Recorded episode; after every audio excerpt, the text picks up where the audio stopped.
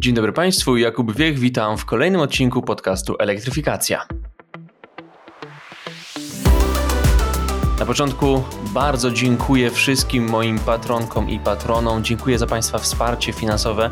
Już powoli zbliżamy się do poziomu, w którym ten podcast w zasadzie jest e, samowystarczalny finansowo. Niedługo przekroczymy pierwszy próg celowy na naszym patronajcie i rozpoczynamy przygotowania do drugiego progu, progu, który umożliwi nam wejście z wideo, czyli zamiast e, tylko ścieżki audio dostawalibyście Państwo także filmik, e, więc tutaj zachęcamy do wsparcia nas za pośrednictwem Patronite'a. Natomiast wszystkim tym, którzy już zdecydowali się na takie wsparcie, serdecznie dziękuję. Ta audycja ukazuje się dzięki Wam. Dziękuję w szczególności mecenasowi naszego podcastu, panu Pysiowi, a osoby zainteresowane mecenatem zapraszam do zainteresowania się tym szczególnym progiem na Patronajcie. A teraz przechodzimy już do tematu dzisiejszego odcinka. Odcinka powiedziałbym specjalnego, bowiem ta audycja nawiązuje do zbliżającej się rocznicy rozpętania przez Rosję pełnoskalowej inwazji na Ukrainę. Do dzisiejszej elektryfikacji zaprosiłem wyjątkowego gościa, a jest nim pan dr Witold Sokała, wicedyrektor Instytutu Stosunków Międzynarodowych i Polityk Publicznych Uniwersytetu Jana Kochanowskiego w Kielcach, a także przewodniczący Rady i analityk Fundacji Point oraz publicysta Dziennika Gazety Prawnej. Pan doktor jest wybitnym ekspertem w kwestii politologii, w kwestii gier wywiadowczych, w kwestii relacji międzynarodowych i z nim właśnie będę omawiał te 12 miesięcy rozpętanej przez Rosję wojny na Ukrainie. Zastanowimy się, gdzie jest teraz Rosja, gdzie jest teraz Ukraina, jak ten konflikt zmienił energetykę oraz politykę Europy, a także świata. No i postaramy się zaprognozować, co wkrótce czeka Ukraińców, przed jakimi scenariuszami stoi państwo ukraińskie. Elektryfikacja. Podcast Jakuba Wiecha o energetyce. A razem ze mną już zapowiedziany gość, pan dr Witold Sokała. Dzień dobry. Dzień dobry panu, dzień dobry państwu i będziemy rozmawiać o tym, co wydarzyło się w ciągu ostatnich 12 miesięcy. Przede wszystkim oczywiście na Ukrainie, ale też w ogóle w Europie i na świecie. E, I e, zacznę może od takiego generalnego pytania, gdzie teraz, po tych 12 miesiącach pełnoskalowej rosyjskiej agresji, jest Ukraina, a gdzie Rosja? Ukraina jest w potężnych kłopotach, no to widać gołym okiem, ale mm, trochę przewrotnie powiem, że te kłopoty y, długofalowo strategicznie powinny jej wyjść na dobre. To znaczy Ukraina w obliczu tej agresji podjęła ogromny wysiłek, nie tylko ten, którego jesteśmy świadkami na co dzień, wysiłek militarny, ale można powiedzieć y, wysiłek cywilizacyjny. Ukraina się bardzo zmienia. Ukraina pozbywa się, już się pozbyła tak naprawdę, jakichś obecnych wcześniej przecież bardzo mocno rojeń o tym, że ona będzie tak pośrodku pomiędzy tą cywilizacją wschodnią w rozumieniu huntingtonowskim, a zachodem, że tak będzie sobie troszkę tu, troszkę tu, że w związku z tym standardy też obowiązują na Ukrainie w biznesie, w życiu społecznym, w administracji, w wojsku, w służbach specjalnych, takie te trochę postradzieckie, zorientowane bardziej na wschód. Y, to myślenie na Ukrainie gwałtownie, przepraszam za dosadność, szlak trafił. Ta dosadność jest uzasadniona tym, że faktycznie no, trafiły w to myślenie i w te zaszłości cywilizacyjne rosyjskie pociski i rakiety, a rosyjska brutalność, rosyjskie zbrodnie wojenne dokonywane przecież na y, ludziach, którzy jeszcze niedawno wcześniej, zwłaszcza w tej wschodniej części Ukrainy, traktowali Rosjan jak y, braci, kuzynów, no to otrzeźwiło Ukrainę. I Ukraina podjęła ten gigantyczny wysiłek, którego dzisiaj wyraźnym przejawem jest kampania antykorupcyjna prezydenta Zełenskiego i jego otoczenia. E, bardzo twarda, oczywiście idąca wolniej niż by wiele osób chciało, ale biorąc pod uwagę to, co było do niedawna na Ukrainie, w sferze mentalnościowej, w sferze organizacyjnej, to to są i tak ogromne postępy. E, ja to obserwuję z bliska w wielu y, miejscach i jestem przekonany, że to nie jest tylko marketing polityczny, że to nie jest taki okazjonalny dyplomatyczny ukłon w stronę NATO i zwłaszcza Unii Europejskiej. Taka świadomość, że no okej, okay, musimy udawać, że się staramy po to, żeby nam e, pomoc dawali, żeby e, jakoś nas e, traktowali lepiej i może obiecali szybszą ścieżkę członkostwa. Nie, to jest u wielu ludzi w ukraińskiej elicie władzy i biznesu głębokie przekonanie, że to jest ostatni moment, żeby Ukrainę także pod tym względem zmodernizować, dociągnąć do dobrych standardów cywilizacji zachodniej. I to jest coś, co bez względu na najbliższe rozstrzygnięcia na froncie, nawet może bez względu na to, jakim ostatecznie rezultatem zakończy się ta wojna, czy Ukraina odzyska Krym, czy nie i tak dalej, to ta Ukraina, która pozostanie, będzie zupełnie inną i dużo lepszą Ukrainą niż y, ta, którą znaliśmy z przeszłości z ostatnich dekad. Będzie też Ukrainą, myślę, znacznie przyjaźniejszą Polsce i bardziej wyczuloną na pewne polskie resentymenty, bardzo trzymam za to kciuki, bo ten nurt nacjonalistyczny na Ukrainie, który nawiązywał do często niemiłych dla polskiego ucha tradycji bohaterów, chociaż sami Ukraińcy patrzyli na to inaczej, e, ten nurt e, słabnie dzisiaj. Po prostu Ukraina ma nowych, znacznie lepszych bohaterów, niż ci, do których nawiązywała z lat 20-30 minionego wieku. Y, więc to mm, ta pozytywna część odpowiedzi na pytanie o to, gdzie jest dzisiaj Ukraina.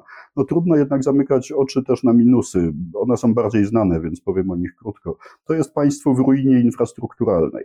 E, to może się okazać e, ogromnym wyzwaniem w momencie zakończenia wojny. E, dobra wiadomość w tej złej jest taka, że pieniędzy zdecydowanie nie zabraknie, bo chętnych do inwestowania pieniędzy nad Dnieprem będzie dużo w świecie zachodnim i pewnie nie tylko zachodnim. Natomiast Ukraina musi wcześniej odrobić lekcję i zdać swój egzamin właśnie z tych procedur antykorupcyjnych, z przejrzystości biznesowej, z jakości administracji publicznej. Wtedy ta odbudowa powinna pójść lepiej, powinna pójść szybciej, skuteczniej. E, Rosja natomiast, e, to też e, fragment tego pytania, Rosja jest na równi pochyłej i ta równia pochyła pochyla się coraz bardziej, a Rosja po niej zjeżdża całkiem szybko.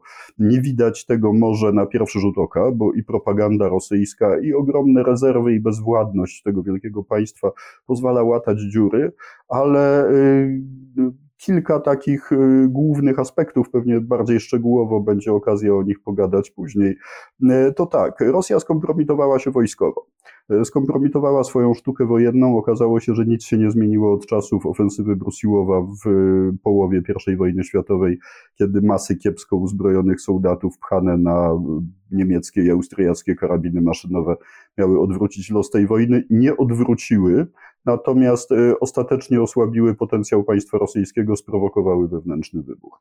Rosja jest na równi pochyłej w sensie gospodarczym, bo kończą się zasoby rynków energetycznych najbardziej intratnych na Zachodzie już raczej nie odzyska.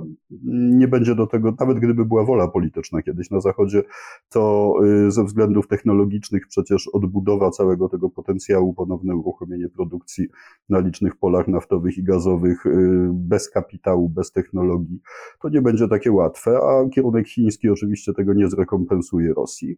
E, traci także rynki zbrojeniowe, bo rosyjska, bo zrywa kontrakty, poza tym rosyjska broni uzbrojenie, no delikatnie mówiąc, bardzo oględnie cieszy się coraz gorszą marką na rynkach światowych w związku z tym, co widać, słychać i czuć.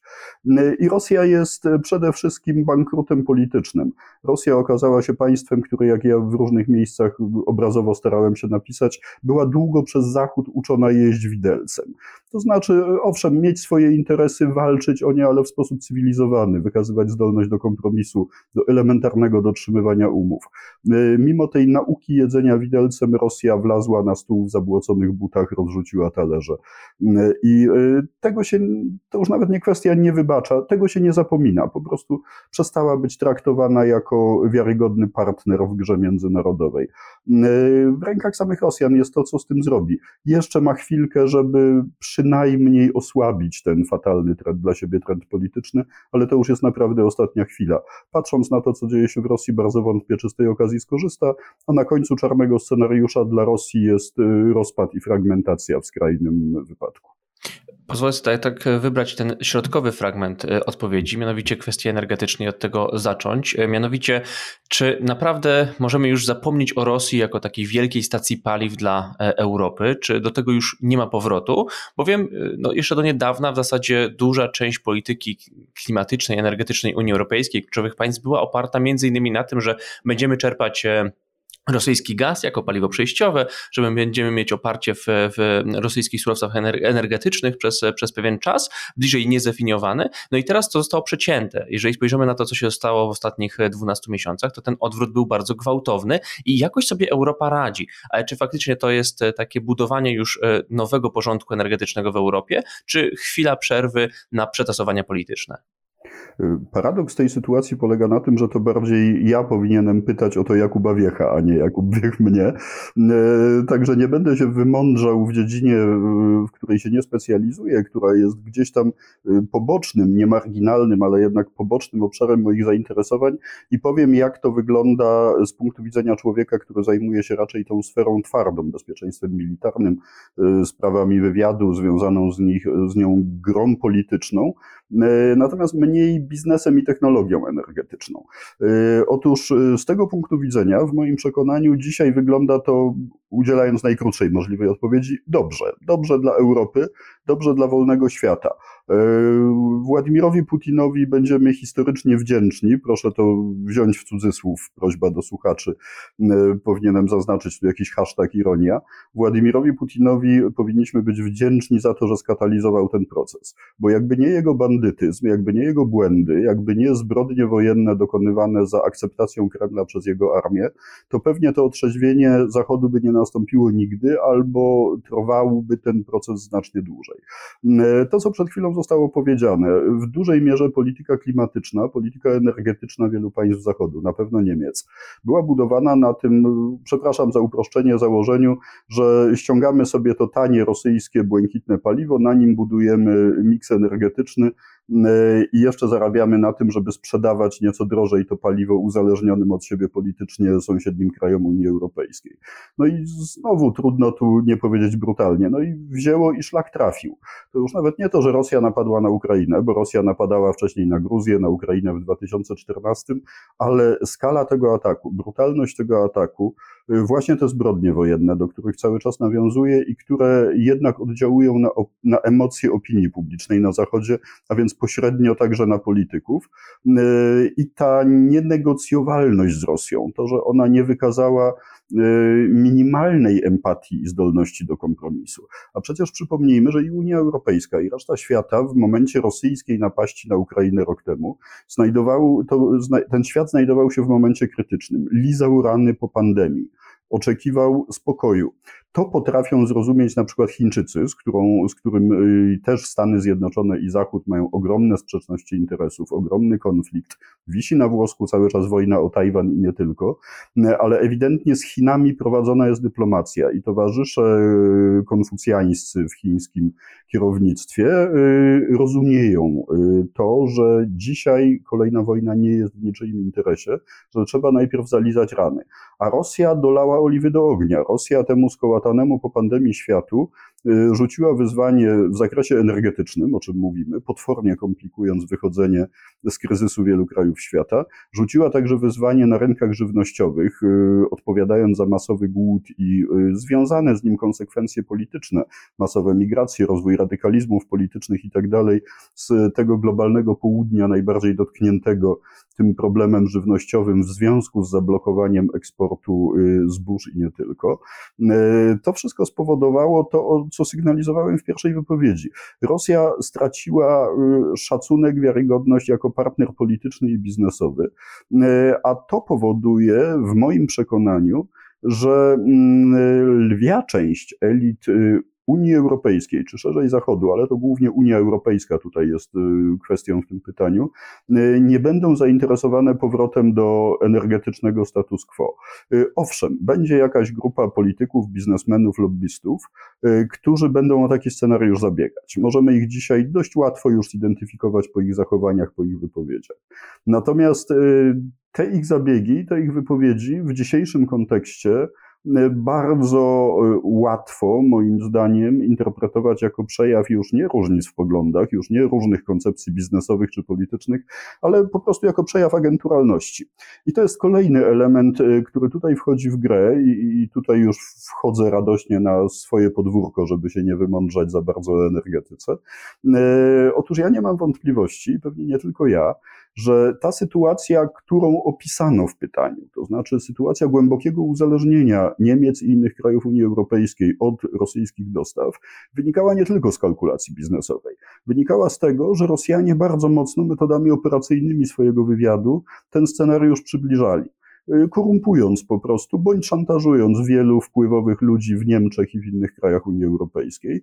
Y, przykładów najbardziej spektakularnych nie trzeba szukać. No tutaj ulubionym moim i pewnie nie tylko moim bohaterem jest były kanclerz Gerhard Schröder, który po odejściu z urzędu, po tym jak jako szef niemieckiego rządu walnie przyczynił się do y, rozpoczęcia i ugruntowania tego fatalnego trendu, przyjął intratną posadę w Radzie Nadzorczej jednej ze spółek rosyjskich kontrolowanych przez państwo rosyjskie i służby specjalne, e, ale takich szraderów, mniejszych i większych, przecież w Niemczech i w paru innych krajach unijnych mamy na pęczki. E, no przepraszam, to nie jest tylko biznes. Jeżeli polityk bierze gigantyczne pieniądze od kraju, z którym robi się takie interesy i ma wpływ na podejmowanie decyzji, to nikt przytomny chyba nie uwierzy, że podejmuje potem po tej ogromnej dawce kasy że podejmuje te decyzje w interesie najlepiej pojętym swoich obywateli. Nie, no to zazwyczaj tak bywa, że podejmuje je w interesie tego, kto płaci. A więc to głębokie skorumpowanie, wzmacniane przez rosyjski wywiad całą ogromną siecią powiązań, całym zapleczem, całą siatką budowaną w Niemczech, mówię tu cały czas o Niemcach, ale no to jest kraj kluczowy z tego punktu widzenia. Analogiczne operacje były dokonywane przecież też e, we Francji, w Luksemburgu, w Austrii, w Skandynawii i tak dalej, w Polsce też. E, to imperium wywiadowcze Putina, które rozciągało się na całą Europę praktycznie i było w stanie w mniejszym lub większym, zależnie od kraju i tematu, stopniu wpływać na politykę poszczególnych państw. E, no chciałbym powiedzieć po raz trzeci, że szlak trafił, ale to by było zbyt optymistyczne, to byłoby wishful thinking. E, natomiast zostało ono poważnie ograniczone. Politycy, zorientowawszy się, z czym mają do czynienia, dali zielone światło swoim służbom kontrwywiadowczym. Efekty tego też widzimy i te sieci rosyjskie y, zostały mocno przetrzepane w ostatnich miesiącach w Europie Zachodniej. Zarówno ta taka klasyczna operacyjna agentura, jak i bardziej miękkie zjawisko, czyli sieć agentów wpływu, ekspertów, specjalistów, dziennikarzy, y, pomniejszych polityków, y, którym też gdzieś tam Kreml bocznymi kanałami dosypywał kasy, ułatwiał karierę, I oni tę narrację kremlowską suflowali w różnych miejscach. Mówili, nie, no z Amerykanów to jednak trzeba z Europy wygonić, z sąsiadami najlepiej się bezpośrednimi pokłócić, a Rosja to jest partner gospodarczy e, i warto stawiać na współpracę z nimi. To tak jeszcze przy okazji, pewnie tam co niektórzy odnosili się do tematyki LGBT, kiedy oficer prowadzący uznał to za stosowne. E, ta agentura wpływu też jest czyszczona. Część z nich zresztą, część z tej agentury zresztą sami Rosjanie palą. Oni są w tej chwili na ogromnym musie nie chcę do tego wątku wprowadzać dygresji dotyczącej aktualnej sytuacji na froncie. Najkrócej mówiąc, e, Rosjanom pali się mocno i skwierczy pod pewną wrażliwą częścią ciała. E, I chyba padło gdzieś tam na Łubiance i w Jasieniewie takie hasło wszystkie ręce na pokład. Tę dość subtelną agenturę wpływu dzisiaj, jak powiedziałem też w jednym z wywiadów, Rosjanie traktują łopatologicznie. Wysyłają na pierwszą linię frontu byle jak uzbrojoną prosto pod lufy karabinów, tak jak tych nieszczęsnych soldatów pod Wuchłedarem czy, czy, czy gdzie indziej na froncie. No, przykładów daleko też nie szukać trzeba. W Polsce mamy ruch antywojenny takiego jednego pana, który od lat się dziwnie zgadzał z rosyjską narracją na każdy temat, a teraz od ględzenia na temat tego, jak, że należy współpracować z Rosją i wyganiać Amerykanów, przeszedł do tworzenia siatek oporu niekierowanego. No źle się to pewnie dla niego skończy, na pewno dla jego wiarygodności w roli niezależnego eksperta, no ale to pokazuje, jak bardzo zdesperowani są rosyjscy oficerowie prowadzący. W tej atmosferze, rekapitulując, bardzo mało prawdopodobne, żeby ta prorosyjska narracja, y, suflująca powrót do współpracy energetycznej z Rosją, zdobyła sobie tylu zwolenników w kręgach europejskich elit decyzyjnych, żeby to było możliwe. A bez tego z kolei nie będzie strumienia pieniędzy i technologii do powojennej Rosji, która pozwoliłaby na elementarne odbudowanie y, możliwości wydobywczych i eksportowych. Y, poza tym no, jest też czynnik poza jakimś tam etycznym, politycznym, także czynnik czysto biznesowy tutaj, jak sądzę, ale to znów, to ja powinienem chyba skierować to pytanie do Jakuba Wiecha. Ale wedle tego, co ja wiem, to skala inwestycji europejskich w alternatywne w stosunku do zaopatrzenia w gaz z Rosji źródła energii jest już na tyle duża, że też lobbyści tych branż podejrzewam niechętnie dopuściliby do odkręcenia całej tej sytuacji. No więc wniosek, Rosja sama na własne życzenie zmarnowała swoją ogromną szansę i szansę budowy długofalowej, długofalowo strefy wpływów poprzez energię wpływów politycznych w Europie. Tak, to właśnie podsumowując ten wątek energetyczny, ja stawiam taką tezę, że nikt tak bardzo nie zdekarbonizował Europy jak Władimir Putin. E, i też e, chyba on zapisze się w historii jako człowiek, który pozbawił Rosję tej najpotężniejszej broni gospodarczej, którą posiadała, czyli właśnie surowców energetycznych, możliwości wywierania presji za ich pomocą na Europie, bo to już jakby pękło w oparciu o pewną e, dozę oporu, którą Europejczycy postawili, zastępując surowce rosyjskie na przykład amerykańskimi czy arabskimi, daliśmy radę po prostu i jest duża szansa, że będziemy dawać sobie coraz lepiej radę w nadchodzących latach, ale tutaj chciałem pociągnąć jeszcze ten e, wątek e, pewnej agentury, e, którą wojna naświetliła niejako, bo przez lata żyliśmy w takim przeświadczeniu, że Rosjanie mają wszechmocną siatkę wpływów agenturalnych w Europie, że są w stanie wręcz zmieniać politykę poszczególnych państw europejskich za pomocą swojej propagandy, swoich agentów wpływu, oficerów wywiadu. Czy to był tylko mit, czy to była tylko e, taka opowieść snuta e, celem podbudowy pewnej e, legendy, czy w tym było jednak ziarno prawdy? Na pewno częściowo był to mit, jeśli chodzi o skalę. I to faktycznie było tak, że sami Rosjanie prawdopodobnie dbali o podtrzymanie tego mitu, no bo to tak działa, to łatwo sobie wyobrazić. Można mieć aktywa wywiadowcze na poziomie średnim lub niewielkim, ale jak wszyscy na miejscu są przekonani, że ta agentura jest potężna i wszechmocna, to nikt nawet tej małej agentury nie będzie starał się likwidować ani nawet piętnować, bo się po prostu będzie bał. Będzie żył w przekonaniu, że za każdym rogiem czeka na niego agent Federalnej Służby Bezpieczeństwa albo Służby Wywiadu Zagranicznego, że jego szef jest też pod wpływem tych agentów i jak się odezwie, nie daj Boże, przeciwko Rosji, to konsekwencje dla jego życia zawodowego, politycznego, rodzinnego nawet będą straszliwe ten strach przed wszechmocą, y, miałem powiedzieć Rosji, ale tutaj można sobie wstawić X przed wszechmocą jakiegoś podmiotu X, bo to przecież nie tylko Rosja, owszem, będąca krajem bardzo zaawansowanym, jeżeli chodzi o wykorzystywanie takich narzędzi. E, ale y, każdy inny kraj, który to potrafi, też poniekąd z tego narzędzia korzysta.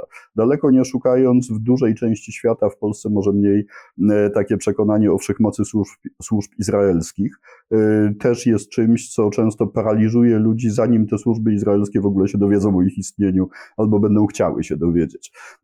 To y, zbliża się oczywiście do paranoi w pewnych momentach, ale w skali masowej działa nawet nawet na osoby zdrowe psychicznie. E, więc był to mit, niewątpliwie. E, symetryczny do mitu podtrzymywanego przez Rosjan zresztą, to warto powiedzieć o ich wszechmocy militarnej, o ich potędze militarnej. Te różne opowieści Rosjan, powielane przez stugębną, usłużną propagandę płatną i przez pożytecznych idiotów, e, przez lata paraliżowały cały Zachód, a zwłaszcza Europę, no bo mówiono, rany boskie nie drażnić niedźwiedzia, bo jak się niedźwiedź poczuje podrażniony, to przekieruje na nas Iskandery albo zrobi coś tam innego. E, fachowcy tłumaczyli, że to bzdura z tym przekierowaniem Iskanderów e, z różnych powodów i wojskowych, i technicznych, i politycznych, ale e, przykładowy pan Zenek, taksówkarz, czy czasem również ludzie z uniwersyteckim wykształceniem i kwalifikacji z różnych względów chętnie tej propagandzie o rosyjskiej potędze i rosyjskim niebezpieczeństwie ulegali. Natomiast to nie jest tak, że to oczywiście było stworzone wszystko z niczego niczego. W ogóle rzadko wywiad tworzy coś z niczego. Dobry wywiad raczej wykorzystuje coś, co już jest i odpowiednio to podpompowuje. I to dotyczy wielu różnych sytuacji, także tej. Rosjanie zbudowali sobie w Europie naprawdę niezłą sieć. Mieli to za czasów y, Związku Radzieckiego. Część tych aktywów przepadła im po upadku muru berlińskiego, przynajmniej tymczasowo, y, bo po pierwsze ówczesna Moskwa nie za bardzo miała interes w wykorzystywaniu tego na dużą skalę. Po drugie ci politycy, którzy wyżej jelcynowskiej doszli do władzy, nie za bardzo chcieli i potrafili to robić, koncentrowali się na czymś zupełnie innym niż na podboju Zachodu. No i zabrakło też pieniędzy w bankrutującej Rosji na podtrzymanie jednak ogromnego, kosztownego aparatu. I stało się tak, że duża część tej agentury zagranicznej, pomijając oficerów, którzy wrócili do kraju i zajęli się biznesem, pracą dla oligarchów i tak dalej, i tak dalej, bo zostali po prostu ze swoich firm wywiadowczych zwolnieni, ale znaczna ich część, mając do wyboru powrót do Rosji, y, biednej wtedy upiornie, pogrążonej w głębokim kryzysie, w smucie, a więc życie w fatalnych warunkach cywilizacyjnych i jakieś marne ochłapy, y, także w sensie prestiżu tego, do czego byli przyzwyczajeni wcześniej, wybrali życie na Zachodzie. Pozostali na Zachodzie i zaczęli sobie tam życie układać. Czasem w zupełnie y, cywilizowanych, niegroźnych rodzajach działalności, a czasem wykorzystując swoje niebagatelne i specyficzne kwalifikacje do zasilenia struktur przestępczości zorganizowanej. I to jest w mojej branży zjawisko dosyć dobrze zbadane i opisane, jak gwałtownie wejście tych byłych oficerów rosyjskiego wywiadu na całym Zachodzie i także w byłym trzecim świecie. E, oni mieli ze sobą kontakty, potrafili łączyć ludzi z Ameryki Południowej, z Afryki, z Bliskiego Wschodu, z mafiami działającymi w Europie, zbudowali własne mafie związane z narodowościami migrantów z krajów byłego Związku Radzieckiego, e, znacznie rozpędzili to imperium podziemia przestępczego. Już zorientowanego nie na politykę, tylko po prostu na zarabianie pieniędzy, na dragach, na handlu żywym towarem, na nielegalnym handlu bronią i jeszcze na kilku innych intratnych rzeczach.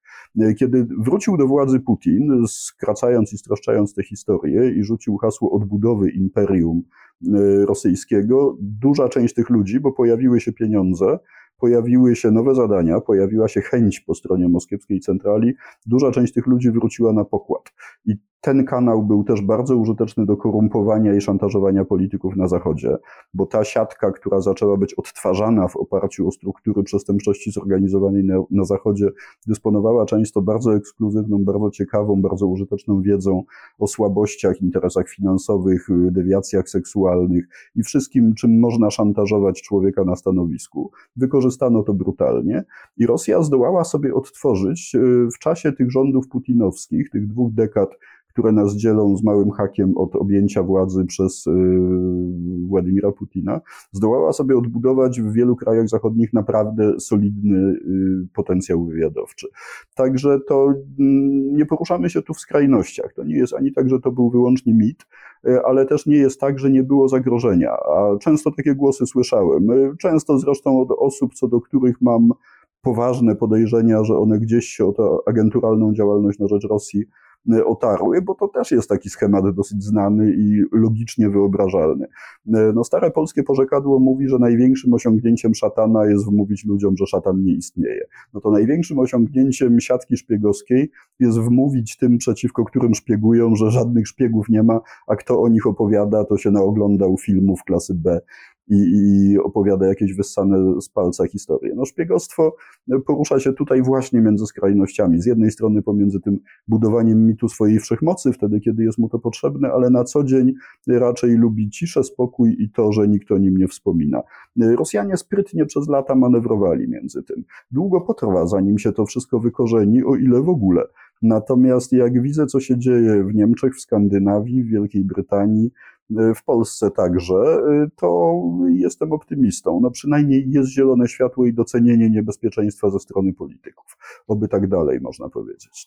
Zadałem to pytanie, bo uderzył mnie kontrast między tą opowieścią o wszechmocnych rosyjskich służbach, a pewnym y, praktycznym przejawem obecności tych służb, czyli na przykład narracjami, które widzieliśmy w mediach tuż po rozpoczęciu tej pełnoskalowej wojny mniej więcej rok temu, bowiem wtedy bardzo łatwo można było odnaleźć te narracje prorosyjskie, wychwycić je, zdemontować, e, pokazać publiczności, szerzej społeczeństwu, że to są pewne treści, które są niebezpieczne dla nas, które sączą na przykład nienawiść między Polaków a Ukraińców, która jest teraz e, bardzo groźna, e, to wyglądało jakby to robili kompletni amatorzy. I zastanawiam się, czy to wynika z tego, że po prostu te kadry były tak słabe, czy po prostu nie było pomysłu na to, jak informacyjnie poprowadzić e, konflikt, który miał być trzydniową wojenką, a okazał się dla Rosji ogromną pułapką, z której chyba Kreml nie wiadomo e, jak ma wyjść. No i trzymam kciuki, żeby nie znalazł tego wyjścia. Ale zgadzam się, to co się stało w okolicach 24 lutego ubiegłego roku, też w dużej mierze zdekonstruowało mit o wysokim profesjonalizmie. Może nie o wszechmocy, ale o wysokim profesjonalizmie rosyjskich służb specjalnych. Mnie się zdarzało w okresie poprzedzającym tę agresję, polemizować z wieloma starszymi, doświadczonymi oficerami polskiego i nie tylko polskiego wywiadu, y, którzy y, bardzo się upierali przy tej wersji, że Rosjanie to jest światowa ekstraklasa, pierwsza liga, że to w ogóle kudy tam do nich jakimś Amerykanom, nie mówiąc o tych młodziakach z polskich służb specjalnych. Przy całym krytycyzmie co do wielu służb zachodnich i naszych też, ja jednak, no, mając w życiu do czynienia trochę z jakimiś tam przejawami rosyjskiej działalności wywiadowczej i kontrwywiadowczej, byłem trochę bardziej sceptyczny i mógłbym dzisiaj powiedzieć z satysfakcją tamtym rozmówcom, że jednak wyszło na moje, ale powiem szczerze, że nie chełpię się tym bynajmniej, bo takiej skali kompromitacji, jaką zaliczyły rosyjskie służby przy okazji agresji na Ukrainę, to ja bym się nie spodziewał wtedy w najśmielszych snach. To znaczy, wiedziałem, że nie jest z nimi dobrze, ale nie sądziłem, że jest aż tak źle. I już tłumaczę pozorną sprzeczność pomiędzy tym, co mówiłem przed chwilą, że oni jednak bardzo starannie to całe imperium na Zachodzie byli w stanie zbudować i kontrolować, a tą kompromitacją na Ukrainie. Ta sprzeczność wyjaśnia się przynajmniej dwoma rzeczami. Po pierwsze, tak, jak mamy do czynienia z wielką instytucją, a przypominam, że i FSB, i parę innych służb, to są firmy, które zatrudniają setki tysięcy ludzi tak naprawdę, grubo ponad 100 w wypadku FSB, to są dane oficjalne e, kadrowych pracowników, ale to się rozrasta przez różne przykrywki, więc myślę, że spokojnie można to mnożyć razy trzy.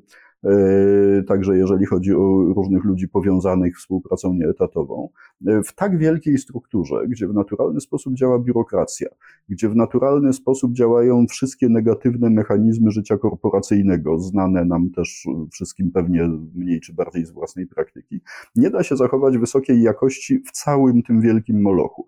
Są owszem jakieś tam elitarne jednostki, które starają się żyć własnym życiem i nie podlegać tej biurokracyjnej korozji, ale to są punktowe historie i punktowy obszar. Więc to jakby w każdej wielkiej firmie. Ten sam mechanizm dotyczy Centralnej Agencji Wywiadowczej Amerykańskiej też i odpowiada za kilka jej spektakularnych wtop i wpadek, ale jak nałożymy to na rosyjską kulturę organizacyjną, to możemy założyć, że tutaj będzie bardziej niż średnia światowa. I to jest jeden element. Drugi element, który tłumaczyłby tę katastrofę, to jest niewłaściwe zadaniowanie i niewłaściwe wykorzystanie służb zapewne przez mm, kierownictwo polityczne. Znowu, mit, że Putin jest geniuszem, też upadł po drodze, ale upadł po drodze taki trochę mniejszy mit, że to jest profesjonalista w dziedzinie służb specjalnych. Tymczasem Putin jest tak naprawdę cwaniaczkiem, politykiem i sprawnym kleptokratą. Natomiast jako oficer służb specjalnych to on nigdy specjalnych sukcesów ani specjalnych okazji do wykazania się nie miał. E, doczłapał tam do tego podpułkownika, pracując na bardzo mało e, eksponowanym kierunku, czyli Niemieckiej Republiki Demokratycznej w czasach ZSRR, e, a potem już zajął się rzeczami zupełnie innymi poza służbą. On owszem, ustawił się sprytnie u schyłku lat 90. w roli tego patrona środowiska byłych przełożonych i kolegów, natomiast to nie jest człowiek, który mm, rozumie funkcjonowanie służb specjalnych na bardzo wysokim poziomie. On był wykonawcą na niskim szczeblu. Y, brakuje mu ewidentnie tego szerokiego spojrzenia strategicznego na służby specjalne y, i za to zapłacił cenę. Także zapłacił cenę prawdopodobnie już za to, że ten jego reżim w związku z wiekiem głównych wykonawców stał się bardzo sklerotyczny, ten dwór Putina. I tutaj zadziałał też taki prosty, znany z historii mechanizm w moim przekonaniu, y, że jeżeli autokratyczna władza tych sklerotycznych starszych starców, y, bo to są w większości już ludzie y, przecież bardzo posunięci w latach, y, ci decydenci kremlowscy otaczający Putina. Jeżeli ten dwór ma swoją wizję świata i jasno sygnalizuje podwładnym, jak on świat postrzega, to oportunistyczni podwładni nie będą dla własnej kariery wytrącać cara i jego najbliższych bojarów z błogostanu. Będą im mówili dokładnie to, co ci chcą usłyszeć. W związku z tym, jeżeli jakiś bystry porucznik rosyjskiego wywiadu wywiadu, pracujący na kierunku amerykańskim czy niemieckim, raportował, że Zachód tym razem zareaguje znacznie ostrzej niż reagował w roku 2014. Jeżeli jakiś inny lejtnant pracujący w Ukrainie raportował, że Ukraina się bardzo zmieniła od 2014 i na pewno stawi twardszy opór niż wtedy, i jak jakiś inny lejtnant z kontrwywiadu wojskowego meldował, że w jego okręgu wojskowym y, gdzieś tam w środkowej Rosji kradną, piją i większość czołgów jest nie do użycia, a generał jest y, kretynem, to te raporty idące wzwyż na szczeblu już majora były pewnie bardzo łagodne, a na szczeblu generała przemieniały się w laurkę uspokajającą wodzów, że Zachód to jest nadal gejropa, która organizuje tylko tęczowe parady i w ogóle nam nie będzie przeszkadzać. Ukraińcy piją, kradną i powitają nas kolorowymi chorągiewkami, a nasza niezwyciężona armia dojedzie tam w trzy dni, gdzie jej każą.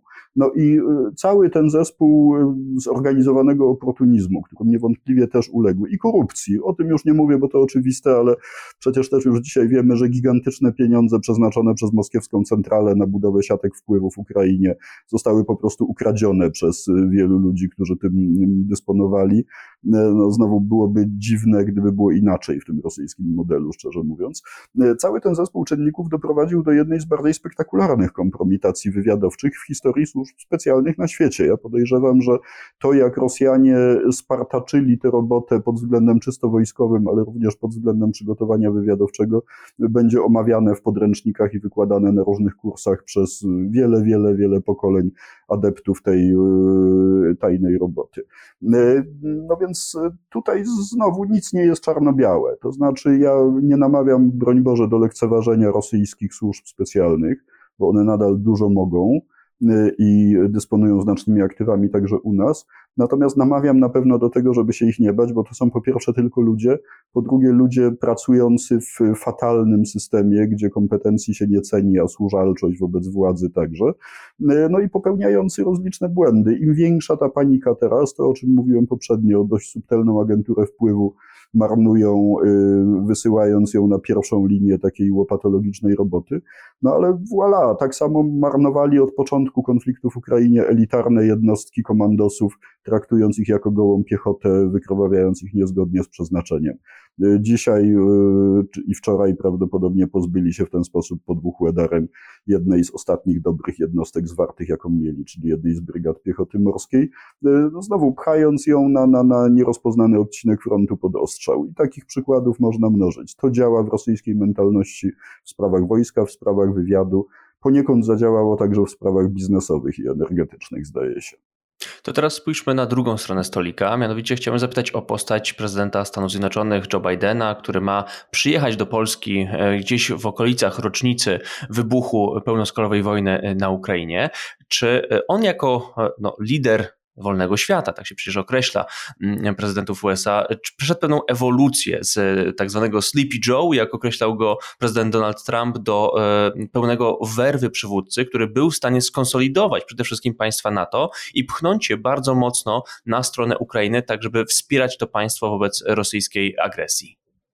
Y, nigdy nie byłem w okresie przed objęciem władzy fanem Joe Bidena. Mm, e, mm, w ogóle przyznam się, nie jestem specjalnym fanem amerykańskich demokratów. To ważne zastrzeżenie, żeby ktoś mnie nie podejrzewał, że jakieś laurki będę tu Bidenowi wystawiał z powodu tego, że to ten amerykański liberalizm, czyli tak naprawdę lewicowość socjaldemokratyczna, językiem europejskim mówiąc, to jest coś, co ja tak y, samo z siebie kocham w, Ameryce, w Ameryce i mu kibicuję, wręcz przeciwnie. Y, natomiast z tej pozycji konserwatywnego liberała, który będąc Amerykaninem na pewno by nie głosował na demokratów, demokratów. Yy, muszę powiedzieć, że Joe Biden zdał egzamin. E, Sleepy Joe to jest e, taki dosyć wredny przydomek nadany mu faktycznie przez trumpistowskich propagandystów. Natomiast no, nie da się ukryć, że on po pierwsze w okresach poprzednich miewał kiepskie momenty. Faktycznie wiek robi swoje i przy najlepszej pracy lekarzy i najsilniejszym organizmie to ja jako ten, który się do szóstego krzyżyka zbliżam już, też wiem, jakie to powoduje ze sobą ograniczenia, a jak sobie wyobrażę, jak może boleć życie w wieku lat 80, to no, trudno mieć do człowieka pretensje, że czasem nie nadąży, o tak mówiąc najkrócej. Natomiast Biden, mam takie wrażenie, ze swojego wieku i z tego mm, swojego dosyć takiego matuzalemowego statusu zamiast słabości zrobił atut, bo on prowadzi politykę, której pewnie nie da, nie umiałoby prowadzić wielu młodszych polityków, takich 40, 50, 60-letnich. To jest siła ogromnego doświadczenia, to jest to, że on jednak był w centrum amerykańskiej i światowej polityki zagranicznej, chociaż w mniej eksponowanych rolach od bardzo, bardzo, bardzo dawna, bo tak naprawdę od głębokich lat 80. E, sumowanie tych doświadczeń przy nadal chyba sprawnie funkcjonujących ośrodkach analitycznych tam między uszami, e, przy umiejętności dobierania sobie ludzi, to jest też pochodna doświadczenia życiowego, jak sądzę. Bo on sobie dobrał niezłą ekipę wykonawczą. No, do zasuwania 24 godziny na dobę, wtedy kiedy prezydent musi się przespać, to jest Antony Blinken, młodszy o e, wiele dekad i jeszcze kilku innych. W związku z tym bardzo sprawny również w misjach dyplomatycznych szef CIA i można by mnożyć tę listę. To nie sam prezydent w Stanach Zjednoczonych prowadzi tę politykę, to drużyna, która on stworzył, którą nadzoruje, którą chroni własnym ciałem jak trzeba, bo było kilka momentów kryzysowych, kiedy ci jego młodsi wykonawcy się wysypywali, prezydent wtedy bardzo lojalnie brał ich stronę. Y, więc ten przykład team buildingu bardzo sprawnego w wykonaniu tego y, sędziwego, ale bardzo inteligentnego i bardzo doświadczonego polityka po prostu działa. I w moim przekonaniu ten Joe Biden, do którego znowu, żeby mnie ktoś tu nie posądzał o jakieś sympatie pozastrategiczne, do którego pretensje w polityce wewnętrznej mam ogromne. Y, I znowu, jakbym był Amerykaninem, to pewnie by mi ręka zadrażała przy następnych wyborach, patrząc na to, co oni robią w polityce wewnętrznej. Ale na szczęście Amerykaninem nie jestem. Jestem obywatelem kraju żywotnie zainteresowanego, żeby Stany Zjednoczone odbudowały swoje strategiczne przywództwo i dało rosyjskim bandytom tęgiego łupnia. I pod tym względem Joe Biden y, robi moim zdaniem generalnie to, co jest optymalne. Dla Stanów Zjednoczonych oczywiście, ale przy okazji dla nas też. Y, nawet dla Ukrainy. Y, może uprzedzając y, następny wątek, powiem, że z punktu widzenia ukraińskiego pewnie byłbym trochę wkurzony na Bidena, y, bo on ewidentnie i cynicznie ciurka tą pomocą, stopniuje. Mógłby dać przecież dużo więcej i wcześniej. Natomiast w tym jest też duża mądrość Joe Bidena. Wydaje mi się, że rozumiem tę strategię. E, bo to chodzi o to, żeby nie doprowadzić do krachu, który rozleje się za mocno poza Ukrainę. Biden już położył kreskę na Rosji, moim zdaniem. Już wie, że gra w scenariusz doprowadzenia jej do spektakularnego upadku, ale jeszcze nie teraz. Prawdopodobnie dlatego, że Amerykanie równocześnie budują sobie wywiadowcze, wojskowe, polityczne, gospodarcze zdolności do zarządzania kryzysem w Rosji, y, kryzysem, który może przerodzić się w wielką smutę w Rosji kolejną. I Amerykanie chcą być aktywnym jej uczestnikiem, chcą mieć narzędzia, narzędzia e, do zarządzania tym kryzysem, oczywiście głównie pod kątem bezpieczeństwa nuklearnego, ale nie tylko. E, tego się nie robi z dnia na dzień. Ta decyzja w amerykańskich elitach moim zdaniem zapadła jesienią ubiegłego roku, e, więc myślę, że jeszcze ładnych parę miesięcy będziemy mieli takie kontrolowanie pomocy dla Ukrainy na tyle, żeby Ukraina tej wojny nie przegrała, bo to byłaby przegrana Stanów Zjednoczonych i na to Biden sobie nie pozwoli, ale żeby nie wygrała zbyt spektakularnie, dopóki Amerykanie nie będą gotowi na skutki. Ukraina płaci za to to niestety krwią i zniszczeniami kolejnymi, ale per saldo, no jakby to strasznie nie brzmiało, to jest też w jej interesie, bo gdyby wygrała dzisiaj wojnę, ale smuta rosyjska potoczyła się potem bez kontroli, to te długofalowe straty także dla samych Ukraińców mogłyby być jeszcze bardziej bolesne. E, szapoba, panie prezydencie Biden. Tutaj zadałem to poprzednie pytanie trochę z tezą, bo też byłem e, pełen, pełen obaw, jeżeli chodzi o prezydenturę Bidena. Pamiętałem go jeszcze jako wiceprezydenta z czasów Obamy i bałem się powtórki tych samych błędów, e, zwłaszcza w podejściu do Rosji oraz do Europy Środkowej. Na szczęście na razie tych błędów nie widzę i tutaj usłyszałem, że Biden położył na Rosji, e, postawił na Rosji krzyżyk. Mam nadzieję, że to faktycznie przyoblecze się w czyny. Natomiast kontynuując ten wątek amerykański, chciałbym zadać jeszcze jedno pytanie nawiązujące do ostatniej publikacji Simura Hersha, E, amerykańskiego dziennikarza śledczego, który napisał, że e, to Amerykanie wysadzili gazociągi Nord Stream. I czy to jest prawda? Czy faktycznie Stany Zjednoczone mogły w ramach właśnie tego chociażby kładzenia krzyżyka na Rosji posunąć się do tego kroku? Mogły, oczywiście. Technicznie Amerykanie mieli wszelkie instrumenty, żeby taką niełatwą operację przeprowadzić, ale no to jak w starym dowcipie o Bacy, którego skazano za gwałt, bo miał instrument. Yy, to nie, przepraszam, skazano go za bimber, bo miał yy, instrument w stodole, no to Baca zaproponował sądowi, żeby go skazać za gwałt, bo też ma instrument. To, że Amerykanie mieli instrument nie oznacza, że go użyli. Mówiąc już całkiem serio. W rewelacje Seymoura Hirscha mm, nie powiem, że nie wierzę, ale traktuję je dosyć sceptycznie, bo to jest faktycznie legenda dziennikarstwa śledczego, począwszy od czasów wojny wietnamskiej, e, ale proszę zwrócić uwagę, że jednak te osiągnięcia śledcze e, pana Hersza E, zawsze działały w jedną stronę, to znaczy zawsze uderzały w e, imperialne interesy konserwatywnej republikańskiej Ameryki, e, a zawsze były praktycznie zbieżne z tym, co lansowały różne postępowe, lewicowe, pacyfistyczne środowiska amerykańskiej lewicy, czy również środowiska wykraczające daleko poza Amerykę. Nie chcę w ten sposób powiedzieć, że uważam tego sędziwego, zacnego redaktora za rosyjskiego agenta wpływu, bo to by było zbyt daleko idące, ale y, jestem w stanie no, też trochę wiedzieć, że dziennikarstwo śledcze to jest trudny zawód. Czasami człowiek się faktycznie napoci i coś mu się trafi, ale czasami dziennikarz śledczy w cudzysłowie to jest taki dziennikarz, który od kogoś dostaje pakiecik informacji do wykorzystania. Y, to ukierunkowanie dorobku y, naszego bohatera wyłącznie w jedną stronę trochę budzi moje podejrzenia, że może nie zawsze, ale częściowo w niektórych sytuacjach to mogło tak być, że on był przez kogoś naprowadzany i uderzał e, w e, pewną konkretną stronę. Jeśli tak, to tutaj e, znowu możemy mieć z tym do czynienia. To znaczy, no, ja też nie wierzę, żeby ten mający dziewięćdziesiątkę chyba z kolei na karku dziennikarz sam prowadził jakieś działania śledcze, operacyjne i tak dalej. No jemu ktoś te dokumenty prawdopodobnie przyniósł, na których podobno opiera swoje rewelacje. A jeżeli tak, to był to ktoś zainteresowany tym, żeby Amerykanom zrobić problem i obarczyć ich za to winą. Mm, więc y, to nie jest dla mnie jakiś y, punkt zmieniający grę.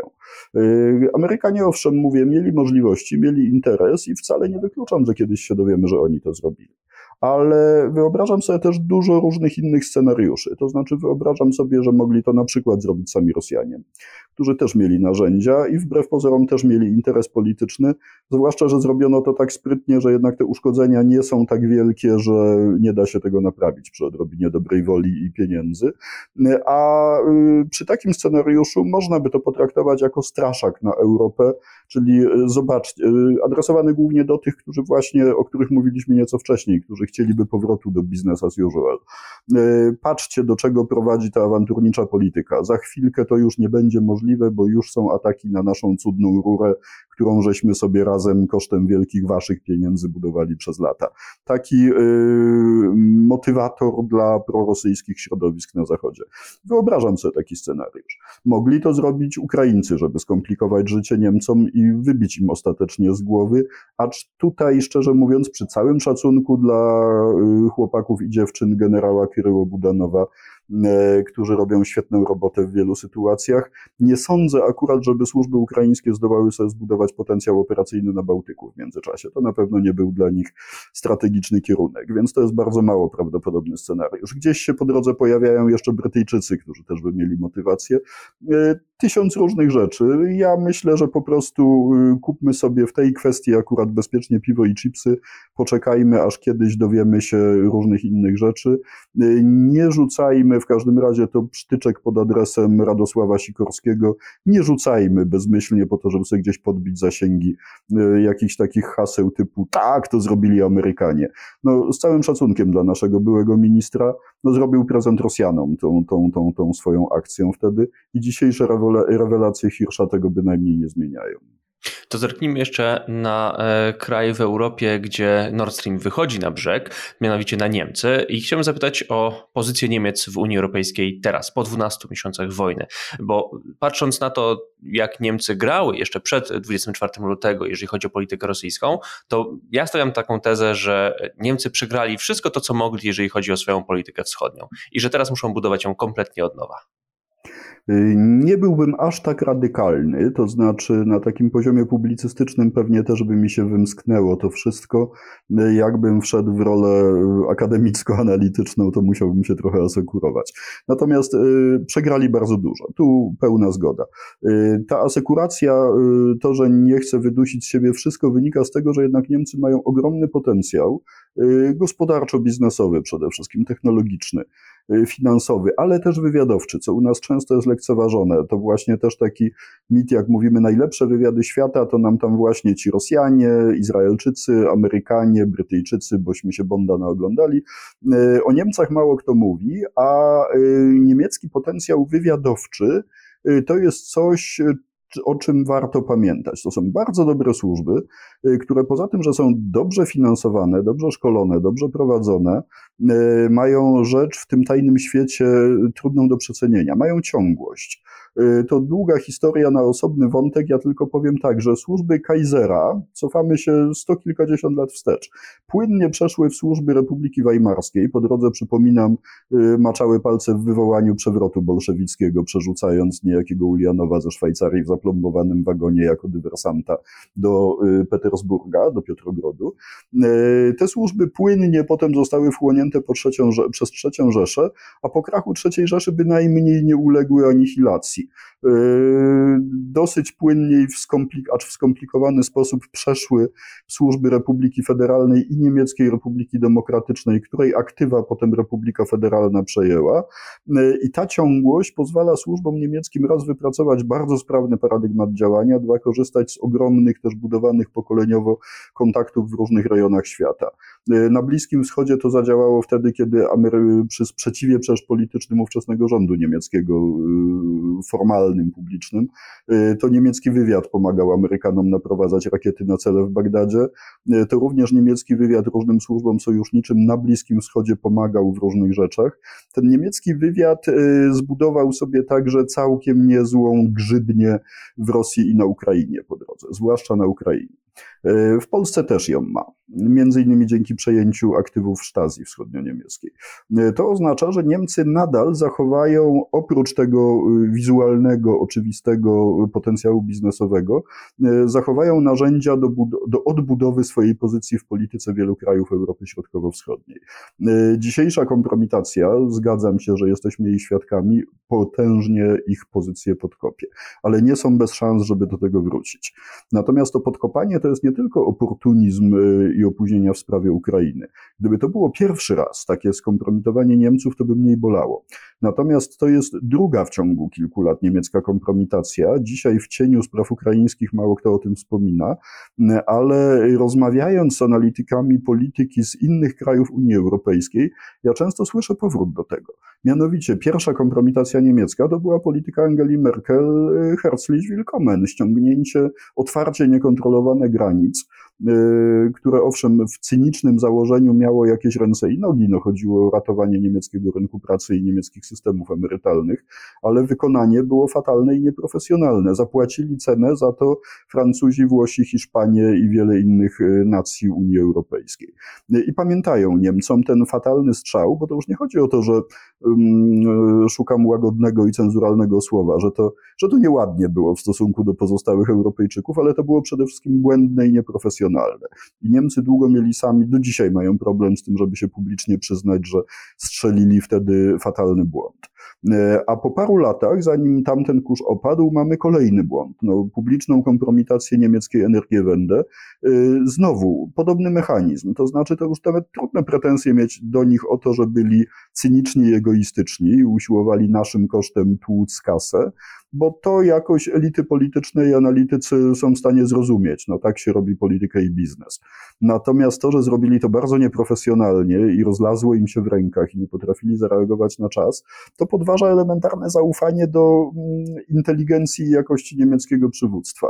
Dzisiaj te twarz Niemców trochę ratują w ciężkiej walce z kanclerzem Scholzem i z SPD zieloni, co też mówię ku własnemu zaskoczeniu, bo nigdy fanem partii zielonych nie byłem. Y, może dlatego, że pamiętam z bardzo dawnych czasów, kiedy jednak te ruchy zielone były w dużej mierze rosyjską agenturą wpływu. Bardzo się partia zielonych zmieniła w Niemczech w międzyczasie, chwała Bogu.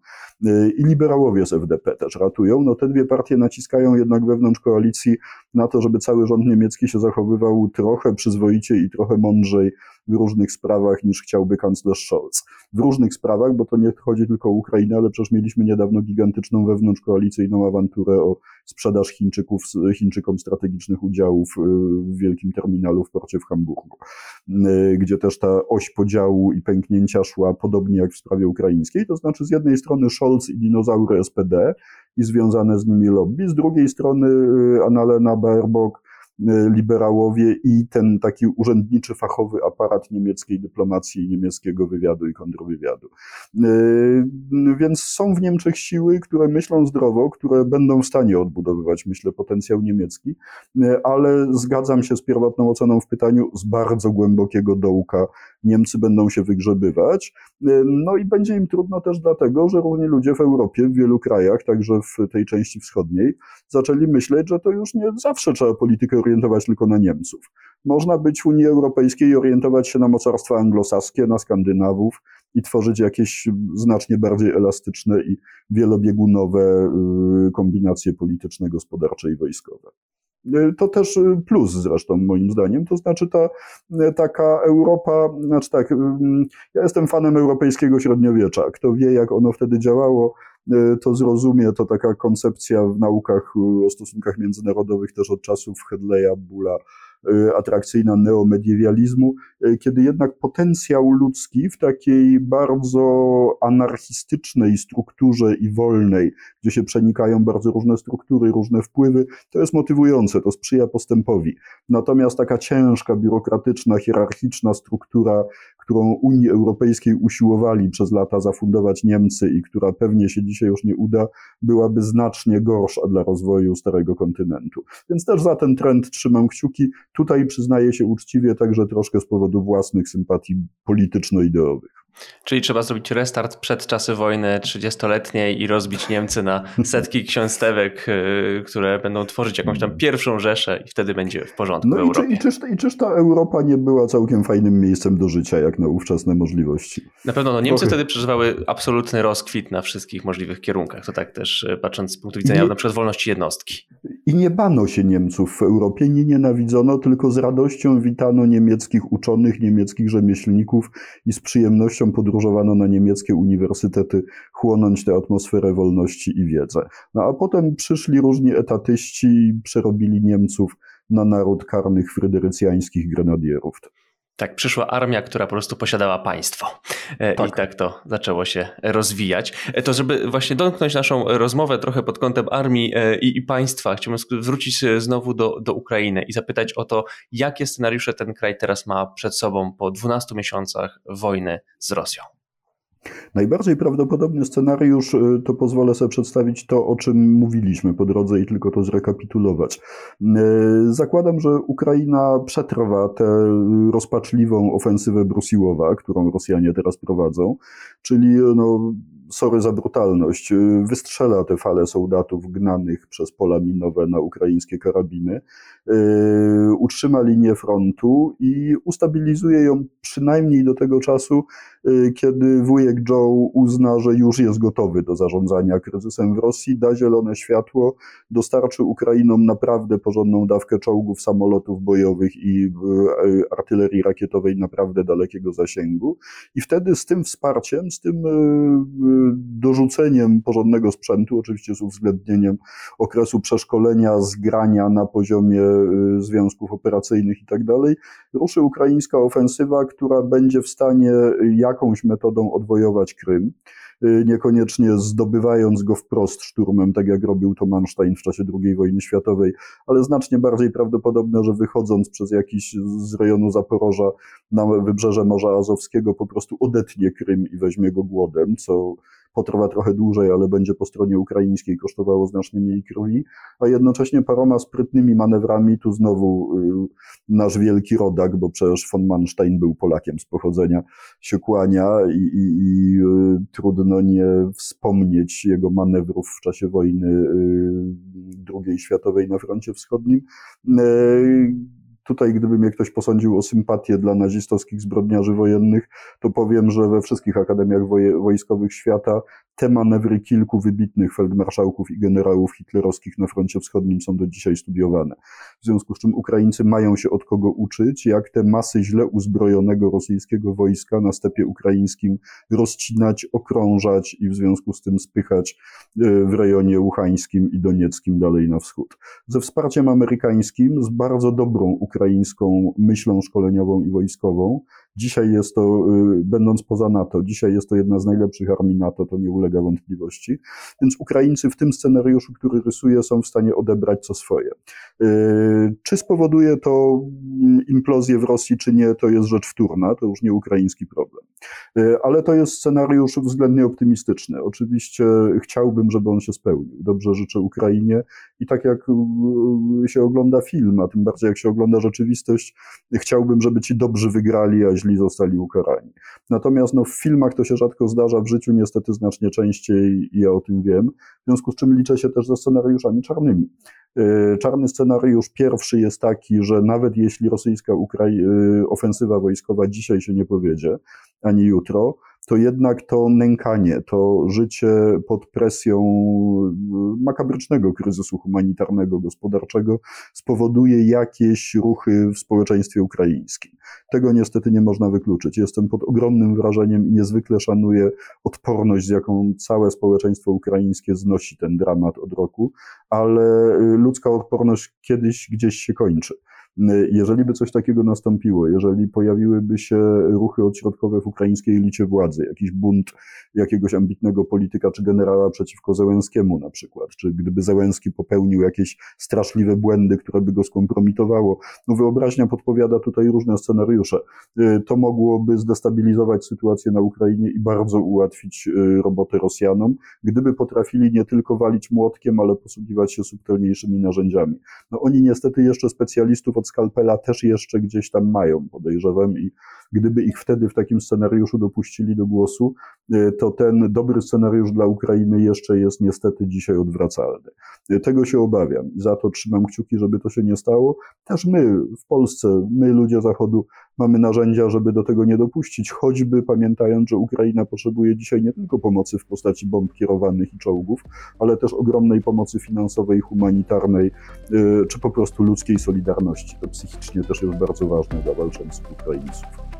Tak jest, trzymamy kciuki za ukraińskie społeczeństwo, ukraińskie wojsko, ale też ukraińską władzę i życzymy z całego serca, żeby ci dobrzy jednak wygrali, bo myślę, że pewna no, sprawiedliwość działa wręcz już tego wymaga po, e, po tym, co widzieliśmy ze strony rosyjskiej, jak Rosjanie postępowali ze zwykłymi ludźmi e, za naszą wschodnią granicą. E, także za to niezmiennie trzymamy kciuki. Ja oraz mój dzisiejszy gość, pan dr Witold Sokała, bardzo dziękuję za podzielenie się swoją wiedzą i spostrzeżeniami. Dzięki również za uwagę. Dziękuję serdecznie i tutaj stawiamy kropkę. Wow, to była bardzo ciekawa rozmowa. Sam bardzo wiele rzeczy się dowiedziałem. Jeżeli chcecie więcej tego typu audycji, to dajcie mi znać w komentarzach, e, dajcie mi znać, czego oczekujecie od elektryfikacji. E, ja już teraz żegnam się z Państwem. Dziękuję jeszcze raz za uwagę, dziękuję moim patronkom oraz e, patronom. Do usłyszenia za tydzień. Jakub Wiech, kłaniam się.